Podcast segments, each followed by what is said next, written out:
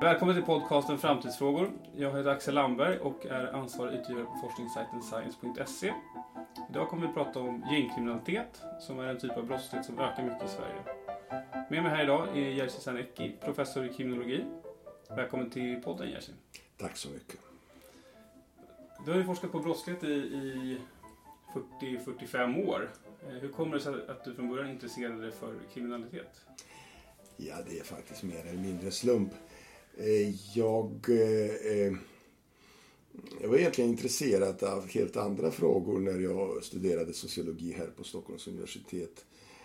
Jag ville skriva en avhandling om byråkratiska strukturer.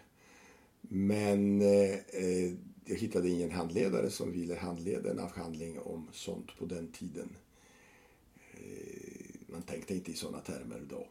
Eh, och eh, jag var samtidigt fritidsledare och eh, som någon sorts extra knäck.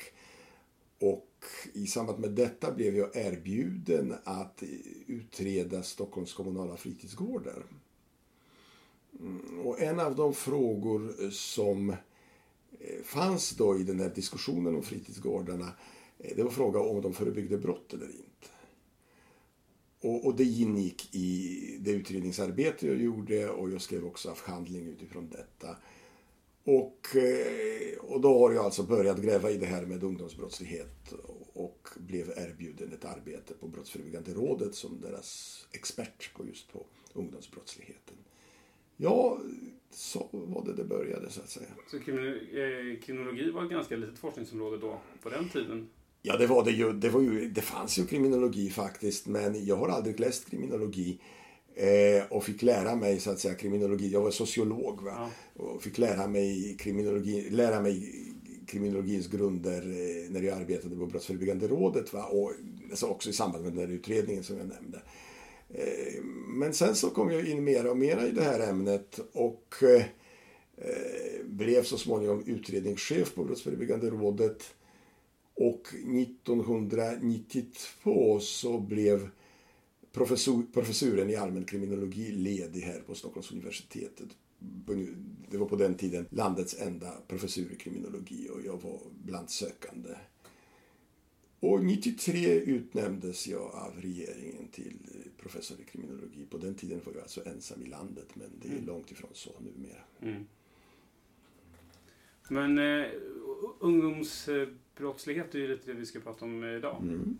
Eh, det skrivs ju mycket om gängkriminalitet och inte minst nu i, i valet har det varit liksom hett debatterat. Ja, synnerligen. Ja, eh, och, men hur, liksom, hur stor är den här gruppen av individer som, som ägnar sig åt det, det man kallar för gängkriminalitet? Ja, jag skulle vilja börja med att säga att eh, det är inte helt säkert att ungdomskriminalitet passar riktigt på de där figurerna.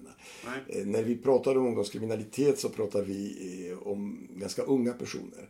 Eh, de här, det finns ju förstås en del unga också i de där grupperingarna men de flesta som är mest aktiva är kring 20 och då räknar vi dem som vuxna snarare. Men det är unga vuxna män skulle man kunna säga.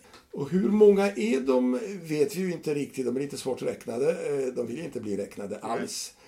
Men de är inte särskilt många. Det är några hundra stycken så att säga på de där olika områdena. Eh, problemet är att eh, de är också svårt räknade därför att deras så att, eh, så att säga, anknytning till de där miljöerna varierar. Vi pratar om gäng. Och gäng, när vi tänker på det begreppet utifrån då den klassiska amerikanska litteraturen så tänker vi på ganska väl sammanhållna grupper. Alltså grupper som håller samman, som, där det finns någon sorts struktur, det finns kanske någon ledare, det finns kanske några underhogare och sen så finns det en lång svans, alltså att personer med mer eller mindre fast anknytning. Eh, så ser det inte riktigt ut här. Eh, därför så föredrar jag att kalla de här grupperingarna för nätverk. Och det beror på att de är ganska löst sammansatta. Det beror på att sammansättningen förändras. Både när det gäller vilka som är ledare och vilka som så att säga är aktiva och vilka som är mera passiva. Eh, men också eh, vilka allianser man har. Vilka är man vän med och vilka är man fiende med? Vilka är man beredd att göra affärer med och vilka vill man skjuta och så vidare. Allt detta är väldigt föränderligt.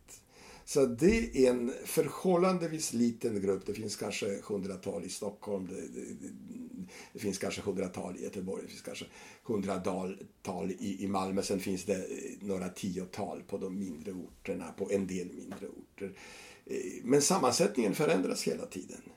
Eh, dels så kommer det nya, dels så lämnar en hel del av dem. Det här är inga långvariga karriärer vi talar om. Alltså, eh, karriären i grov kriminalitet är vanligen ganska kort. Den börjar kanske någon gång i 15-17 års ålder och det är ganska sällsynt att man är fortfarande väldigt engagerad när man är 30. 25 eh, är rätt ofta gränsen för de här. Sen är det så att eh, många lämnar och en del lämnar med döden. Det är hög dödlighet och hög skadefrekvenser också på de där individerna. Ja, men vad, vad, eh, och vad är man, man, de här nätverken, vad kretsar de? Kretsar kring enskilda individer då? Finns det någon... Alltså de kretsar, eh, jag skulle, alltså det, det, är lite olika.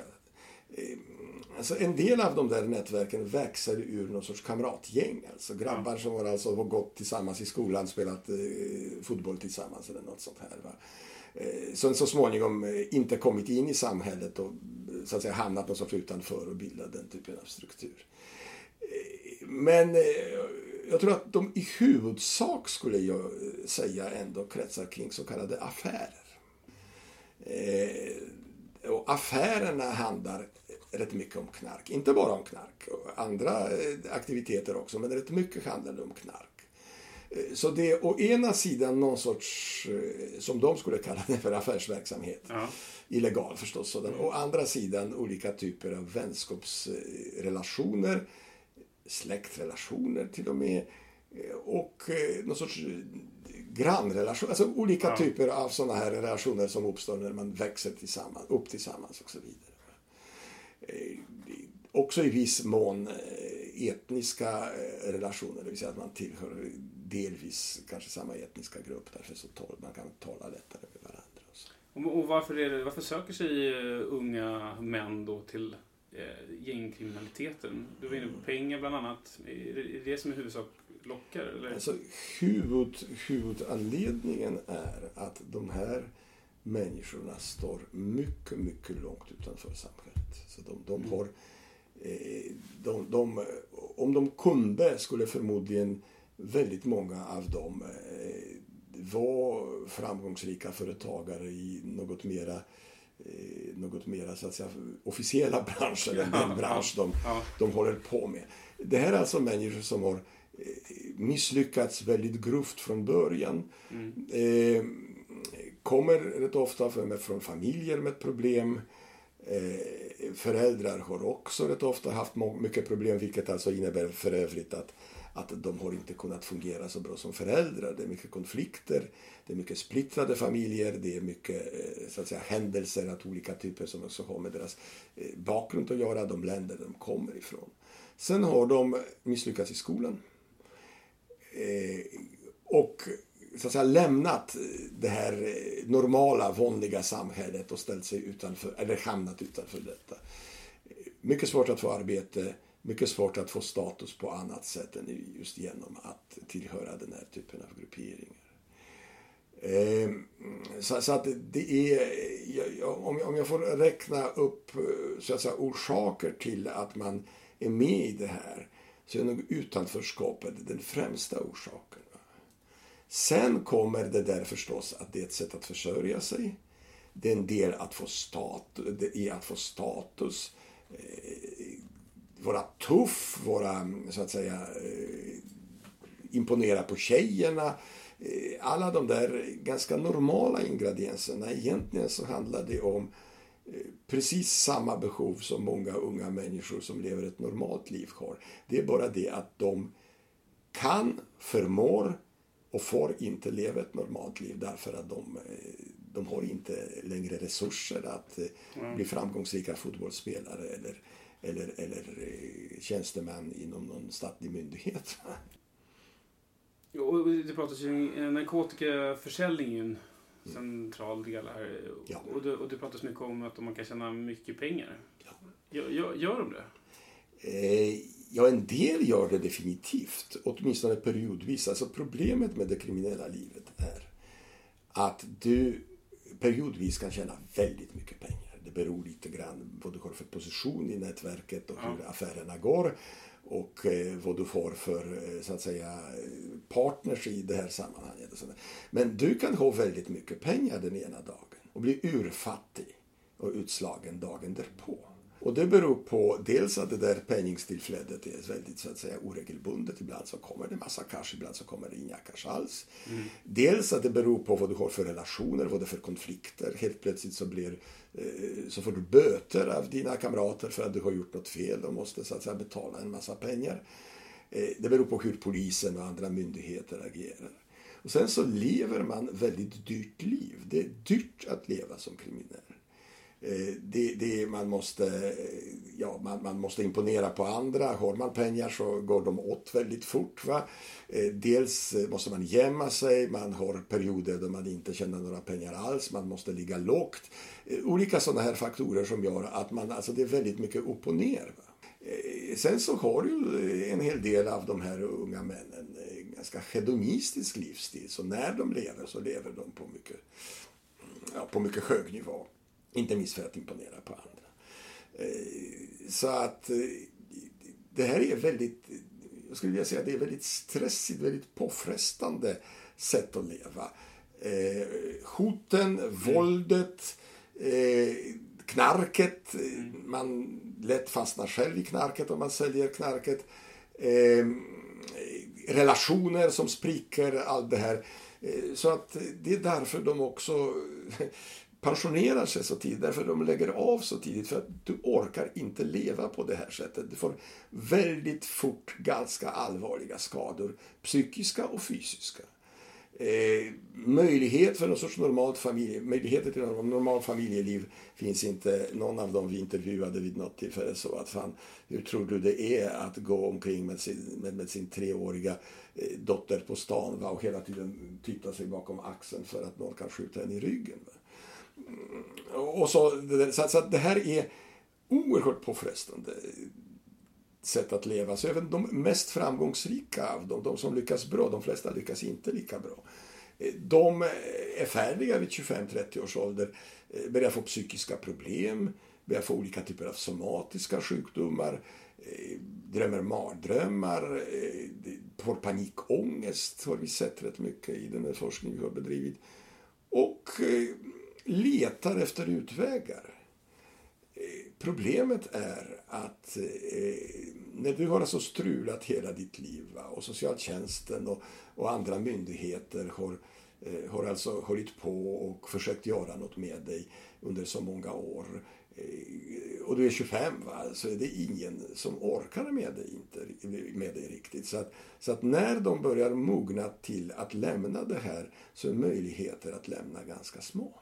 Ja, men vad finns det för möjlighet? Alltså är det i samband med att man eh, blir liksom gripen, åker in? Är det där man, man, man ändrar sitt eh, liv och så kommer man ut? Eller är det... Det händer så att säga. Det, det, det du pratar om, det, vi, vi kallar det här inom kriminologi för turning points, alltså vändpunkter helt mm. enkelt. Eh, och, och eh, vi har haft ett stort forskningsprojekt här, bland annat på den här institutionen som heter, som heter Stockholms Life Course Project, där vi har alltså försökt leta efter Eh, vändpunkterna. Eh, de är väldigt olika. Eh, någon blir smittad av aids, vissa mm. HIV. Mm. Någon, det är faktiskt ganska vanligt, träffar en fantastisk kvinna som inte finns i den miljön, va, men utanför, som ställer villkor. Någon åker in och så vidare och så vidare. De letar, när de börjar komma i den här åldern, så letar rätt många av dem efter utvägar. Problemet är bara att eh, det går inte att vända på, på, på en femöring så att säga. Här. Eh, det, det, så att många eh, försöker lägga av och de misslyckas och de återgår och så gör de ett nytt försök och så kanske återgår igen. I synnerhet, man kan väl se det här så här att de som har inte lyckats skaffa sig grovt missbruk de har det lättare. Va? För att då, då fortfarande finns det chanser man kan få arbete, eh, påhugg, eh, man får hjälp alltså. Man går tillbaka hem till morsan va? och bor där. Va? Eh, och det funkar på, på, på, på ett eller annat sätt, även om det är inga, inga fantastiska eh, levnadsöden vi ser där. Alltså det blir fattigt, det blir jobbigt, det blir, det blir sjukt. Eh, men det ändå går. Va? De som har börjat missbruka, eh, särskilt droger, särskilt tyngre droger. Och då är det ju så här va, att, att när man är väldigt ung så har man någon sorts omnipotens som säger ah, vad fan, jag knarkar lite men om jag vill så slutar jag imorgon. Eh, man har en sorts föreställning att, att man har full kontroll över livet. Va? Mm. Eh, det har man inte. Så att fastnar man i missbruket då blir det mycket, mycket svårt och tar mycket lång tid. Sen så finns det vissa möjligheter i samhället i olika typer av avhopparverksamhet. Det, är det det som håller kvar Att man, det är, ett tungt missbruk är dyrt alltså av ekonomiska skäl och, det, och då behöver man ha kvar den här... Helt rätt. Ja. Helt rätt. Eh, det är förstås göra att, att du hamnar i det där eh, förfärliga så att säga ekorrhjulet. Och du, du måste ha knark och så länge du har knark så mår du bra. Sen så får du abstinens och måste skaffa ny knark och, och, du måste ha pengar för det här. Och, och, det blir ibland otroligt förnedrande på olika sätt. Va? Och, och, och kommer en kompis och säger häng med nu på ett stöt eller något sånt. Eller, eller eh, du får skjuta den där personen så får du så här mycket pengar. Va? Eller olika sådana här saker. Även om mm, jag tror att man anförtror inte skjutningar så ofta åt knarkarna. Va? Men andra typer av uppdrag. Va? Eh, då gör man ju det av tvång. Va? Och eh, sen så... Ja, det, så småningom, det, det, går inte. Alltså som sagt, efter 25 års ålder så, så blir man ju så sliten mm. i de flesta fall att man orkar inte så att man eh, går ner på sämre knark eller börjar dricka istället eller går ner sig ännu mera. Ibland så hamnar man på någon sorts, eh, på någon sorts behandling va? som kanske hjälper ett tag. Man hamnar på kåken, kanske blir avvänd. Men du kommer ut och du har ingen eh, utom dina gamla kompisar, och möjligen morsan som sagt. Morsorna är otroligt viktiga i det här sammanhanget. Och så kvartar du på soffan någonstans och det är någon som vill att du ska göra något och det är inte så lätt att säga nej va? och så är man inne igen. Eh, mm, så att eh, de där, när vi beskriver de där processerna va, så talar vi om någon sorts persistence, desistence, alltså det vill säga när man fortsätter med det här. Va? Och, och, och sen någon sorts, någon sorts desistent där man avstår. Men rätt ofta så talar vi om någon sorts begrepp som kallas för intermittency. Vilket betyder att man gör långa eller kortare avbrott va? av olika skäl. Eh, och sen återgår man, eh, fast på lägre nivå så att säga. Så att efter, efter 20 års ålder så går ju den där aktiviteten ner. Hos de allra flesta. Det är en berömd kriminologisk eh, så att säga, upptäckt som är för övrigt flera hundra år gammal eh, Eh, där man upptäckte just, upptäckte just att, att, att brottsligheten efter 20 års ålder så då går den ner ganska kraftigt. Alltså, det, det är ingen som orkar hålla på. Ja men för det ser man ju, eller kan man läsa om man läser tidningarna om de olika gängen idag som är aktiva i Stockholm eller Malmö. De är ofta väldigt unga personerna som är, de åker till och från skottlossningarna på moped. Det är kanske är ett bra transportmedel eh, i och för sig. Men... Det, det, det, är, det är nog lite uträknat va? för att du kan åka med moped på moped eh, till ställen där du inte kommer med Nej. Eh, bil va? och motorcyklar är registrerade, inte mopeder på samma sätt. Så det, det finns lite, och dessutom så, så vad du gör det att, att du slänger inte gärna en, en hoj va? men du moped kan du slänga i en buske och springa och tända på. Det, det, alltså, ja. så, alltså, det, finns, ja. det finns andra också praktiska saker. Eh, men eh, de är unga. Ja. Eh, de har troligen inga körkort oberoende om de kör det ena eller det andra eller det tredje. Va? Eftersom det är just den situationen hur långt man står utanför samhället. De flesta eh, har aldrig tagit körkort, har aldrig haft varken råd eller möjlighet att göra det registrerade för hundra olagliga körningar och så vidare. Eh, men, men det är alltså det är subkultur för unga män. För unga män eh, med en föreställning om världen eh, som avviker inte bara från min som är gammal men också från din som är ju ändå tämligen ung. Eh, föreställning om att eh, livet lever man nu och inte sen senare. Och det, både, både, både så att säga, deras psykologiska makeup är sådan men också eh, den sociala så att säga, verkligheten ser ut på det här sättet. Eh, ja, man lever häftigt och så dör man. de sparar alltså inga pensionspoäng om man säger Nej. så. Och, eh, men medan man lever så gäller det att leva bra utifrån den kulturella, för, eller den subkulturella kulturella föreställning man har. Man ska få tuff, man ska få hård, man ska få beundrad, man ska ha massor med tjejer, eh, man ska eh, inte behöva ta några ansvar för något. Och livet är inte särskilt mycket värt för att imorgon är man kanske död. Och, och förakt, alltså det där, eh, en, en, av de kanske mest centrala sakerna och det är kanske också det som är delvis nytt för att det här är ju en subkultur som har alltid funnits men aldrig i de där eh, brutala formerna. Just det här med förakt för eget och andras liv är något eh, som skrämmer mig, skrämmer mig därför att, att eh, då är det också så att om man inte bryr sig om livet så är man inte särskilt lätt att göra något åt. Nej, och det har ju varit... Eh, alltså antalet skottlossningar de senaste åren ökar ju mycket de här miljöerna. Ja, det där är ju något som eh, har kommit, vad ska vi säga, från år 2010 och något sånt här. Det har ju funnits tidigare, men i, så att säga, ganska sällsynt.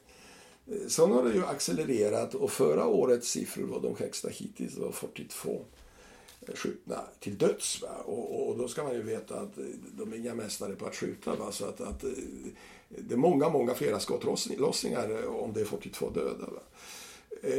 Och det var det högsta talet. Året innan var något färre. Men, men det, är alltså, det, det, en, det var en accelererande utveckling. Möjligen är det Kanske får vi inte lika många i år, fast det vet vi inte än eftersom året har inte gått. Eh, och eh, som sagt, den här typen av kretsar, kriminella utanförskapskretsar, har funnits länge. Men den där våldsamheten och vapnen, skjutvapnen, det är förhållandevis nytt. Och det gör ju förstås att eh, både polisen och forskare och andra eh, har varit mycket frågande inför detta från början. Va? Det är dessutom inget fenomen som finns i samma utsträckning i andra länder, jämförbara länder. Jag menar, eh, det finns ju Eh, många utanförskapsområden i Tyskland eller, eller i, i Danmark eller i, i Frankrike. Men eh, den graden av våldsamhet och antalet incidenter av den typen som vi observerar här i Sverige är unik. Va? Så att här har det kommit in den här, i den där gamla kretsen av utslagna människor kommit en ny subkultur, otroligt våldsam. Och det är ganska typiskt för Sverige. Men kan det ha att göra med att det är många alltså det är många olika grupperingar eller eh, det kanske inte ger svar på frågan. Eh, alltså, eller är det just att man använder så kraftigt våld som är den liksom markanta skillnaden här? Ja, det, det, är ju så här att det, det, du hittar den här typen av grupper eh, med, med ett kraftigt utanförskap i, i de socialt mest så att säga utsatta områdena i alla Europas eller alla världens länder, i städer. Eh, Eh, där unga, det finns unga män eh, utan någon sorts anknytning till samhället som ofta begår många brott eh, och ofta är väldigt våldsamma. Och det är inget nytt, så här har det sett ut i Sverige också under mycket lång tid. Eh, man ska komma ihåg att antalet fall av dödligt våld, om man räknar totalt, har i slutet av 80 och början av 90-talet i Sverige varit ungefär lika hög som idag, alltså 120-130 fall. Eh, och det har ju varit en miljon färre. Va? Så, att, så att det totala dödliga våldet är alltså lägre egentligen än egentligen du sa. Men, men de grupperna vi talar om, det är hela tiden samma grupper. Det är unga, som sagt, utslagna män.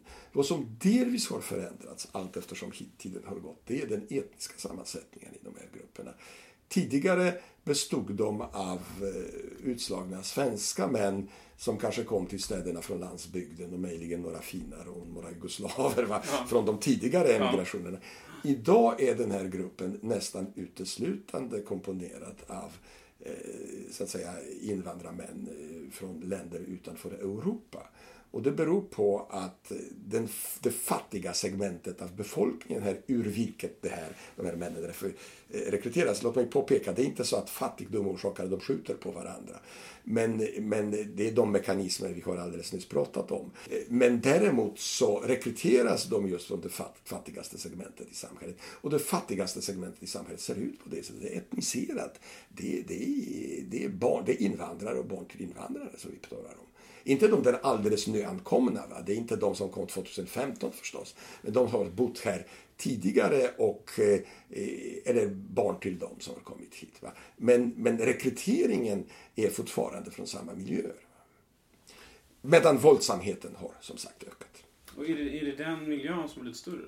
Finns det förklaring, kan man hitta den typen av Jag är inte helt säker att den har blivit större. Ja, det, det vågar jag inte säga. De där socialt utsatta områdena därifrån de flesta rekryteras, eh, de omfattar ungefär 5-6 procent av Sveriges befolkning. De flesta som bor där är hederliga, vanliga människor ja. som inte vill något annat än att det där ska försvinna va, så fort som möjligt för det är de som blir drabbade. Det är deras ungar som dödas, va, det är deras bilar som brinner. Va. Eh, men, men, men där finns den där kretsen. Eh, jag har svårt att tänka mig att det har blivit större. Jag kan tänka mig att klyftorna har ökat, för det vet vi ju så att säga. Så att, så att klyftorna mellan de rikaste och de fattigaste har ju ökat kraftigt. Eh, och så är det det där att eh, de här människorna och deras föräldrar har aldrig kommit in i det svenska samhället eh, och lever utanför det här samhället. Och, och, och, tidigare så var det fattiga svenskar och nu är det fattiga invandrare eftersom det är de som utgör den den, den, den, det lägsta skiktet så att säga. Kan, kan till, tillgången på vapen vara eh, av någon ors, orsak att vi, det finns mer vapen i omlopp eller? Det, det definitivt så att så länge man hade till förfogande knivar en epok så kunde man inte ställa till en lika stor skada. Har man en kopist så kan man döda många väldigt fort. Va? Eh, så att vapnet på det sättet spelar en viss roll. Men kom ihåg att eh, tillgången på, alltså möjligheten att skaffa vapen i Sverige har alltså ökat kraftigt efter järnridåns fall och efter eh, den jugoslaviska statens upplösning. Eh, så, så, att, så att de här möjligheterna har funnits tidigare. Eh, så att man måste koppla, det här är ju det här är någon sorts tillgång efterfråga diskussion. Eftersom de här har blivit mycket mer våldsamma. Så efterfrågan de mycket mera vapen. Då kommer ju, då kommer ju några som lever på att smuggla vapen förstås leverera de där vapnen. Kommer någon för helt plötsligt med den genialiska idén att man kan använda granater va? Eh, för att eh, jävlas med polisen eller jävlas med någon annan. Ja, då är det någon som, som skaffar granaterna från Balkan eh, eller, eller något annat ställe. Det är inte så förbannat komplicerat. Så att det är klart att det förhållandet, det finns mera vapen, ökar våldet. Men den ö, det ökade våldet ökar mängden av vapen. Så det är inte riktigt vapnen som är liksom orsaken där heller? Eh, ja, men så på, på, kort sikt, alltså om man tänker, det är jäkla massa vapen bland de där eh, galna uh, unga männen. Ja. Det är klart att de kommer att användas. Va? Men eh, när de nu används så kommer de att efterfråga mera vapen och då får de mera vapen för att i, dagens värld är det inte särskilt svårt. Om vi ska prata lite grann hur det kommer att bli framöver och vad man, bör, vad man kan göra för insatser för att eh, mm. liksom, minska gängkriminaliteten. Hårda straff var ju någonting man pratade om mycket i valdebatten. Ja. Va, vad säger forskningen om det? Och ja, det, det är vad forskning säger om kortare straff. Det är ganska enkelt. Eh, få tag i dem först. Ja. jag menar, det första man måste göra om man ska alltså straffa bort problemet det, det är att få tag i dem. Uppklaringen på de där skjutningarna är 20 procent. Vilket innebär att de flesta får vi inte tag i. En hel del av dem dör av sig själva så att säga i fortsättningen. Men, mm. men, men, det, här är, det här är... Eh, så att du straffar väldigt liten grupp. Eh, dessutom, som jag sa till dig tidigare, eh, så är det så att deras karriärer är ganska korta. Så när du till slut får tag i dem, om du har alltså låg, aktivitet, låg effektivitet hos polisen, så får du tag i dem när de ändå är mot slutet av sin karriär. Eh, så att om du ger dem 10 år eller 20 år spelar ingen roll för att efter 10 år kommer de ändå, skulle de ändå inte ha gjort något. Eh, så, så att alltså, hårda straff låter vackert politiskt. Eh, I synnerhet att det inte kostar något att lova. Va? Eh, men, men vad som kostar fruktansvärt massa pengar och som du måste investera först innan du höjer straffen. Det är förstås dels antalet poliser vi har, dels effektiviteten hos de poliserna. Så de griper fler. Sen när vi har börjat gripa tillräckligt många, då kan vi ju diskutera eh, vad är, vad är rimliga straff. Eh, men, men som det pågår nu, det är bara månväder alltså det där med att vi ska straffa mer och så. Sen är det så här att unga män som skjuter människor på gator och torg ska skaka galler. det finns inga så alltså, är väldigt många kreativa lösningar på deras problem. De måste åka in och de måste låsas in. De måste låsas in på tillräckligt lång tid.